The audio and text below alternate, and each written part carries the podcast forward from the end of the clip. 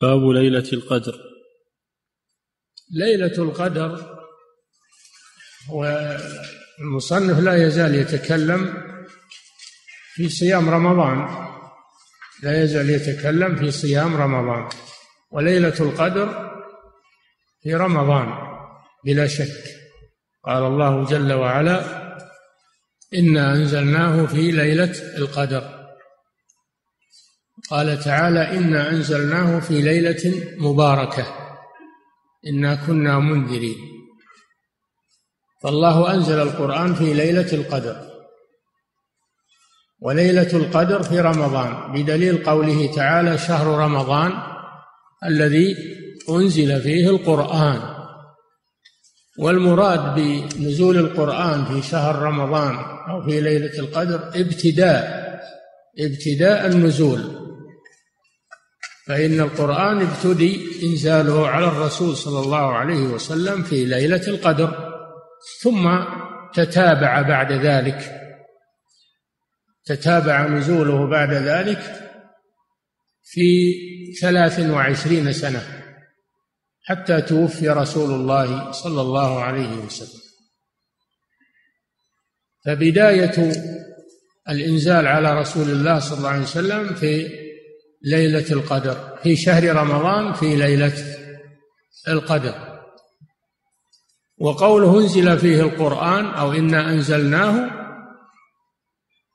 القرآن يطلق على بعضه وعلى كله. يطلق على السورة أنها قرآن وعلى الآية أنها قرآن. ويطلق على الجميع على جميع المصحف أنه قرآن. يطلق على الكل ويطلق على الجزء أنه قرآن. وقوله أنزلناه أي ابتدأ نزول القرآن. في هذه الليلة شرفها الله بإنزال القرآن فيها وشرف بها رمضان. شرف بها رمضان. قال الله جل وعلا إنا أنزلناه في ليلة القدر. وما أدراك ما ليلة القدر؟ هذا تعظيم تفخيم لها. ليلة القدر خير من ألف شهر. العمل فيها خير من العمل في ألف شهر. وألف الشهر تزيد على ثمانين سنة. فالعمل في هذه الليلة يعادل العمل في في أكثر من ثمانين سنة. لمن تقبله الله عز وجل. فهي ليلة عظيمة. وليلة شريفة. وهي في رمضان ولكن الله أخفاها في في ليالي رمضان لأجل يجتهد المسلم في كل ليالي رمضان. في كل ليالي رمضان. فمن قام جميع ليالي رمضان فإنه أدرك ليلة القدر قطعا. فيجتمع له قيام ليلة القدر وقيام الشهر. يجتمع له الفضيلتان فضيلة قيام الشهر وفضيلة قيام ليلة القدر. أما من قام بعض الليالي فلا يضمن لا يضمن أنه أدرك ليلة القدر.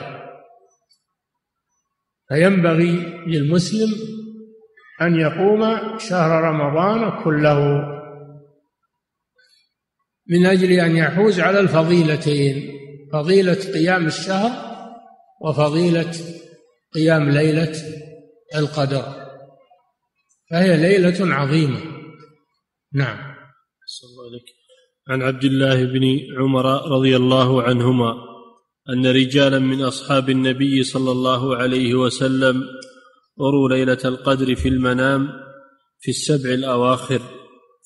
فقال رسول الله صلى الله عليه وسلم أرى رؤياكم قد تواطأت في السبع الأواخر فمن كان منكم متحريها فليتحرها في السبع الأواخر. قلنا إن ليلة القدر تحتمل في كل ليالي الشهر لأن الله لم يبينها وإنما الذي حصل من النبي صلى الله عليه وسلم ومن أصحابه التحري تحري فقط. وأحرى ما تكون في العشر الأواخر. ولهذا كان صلى الله عليه وسلم يعتكف في العشر الأوسط ثم إنه نقل اعتكافه إلى العشر الأواخر واستمر على ذلك لأن هذه العشر هي التي ترجى فيها ليلة القدر أكثر من غيرها.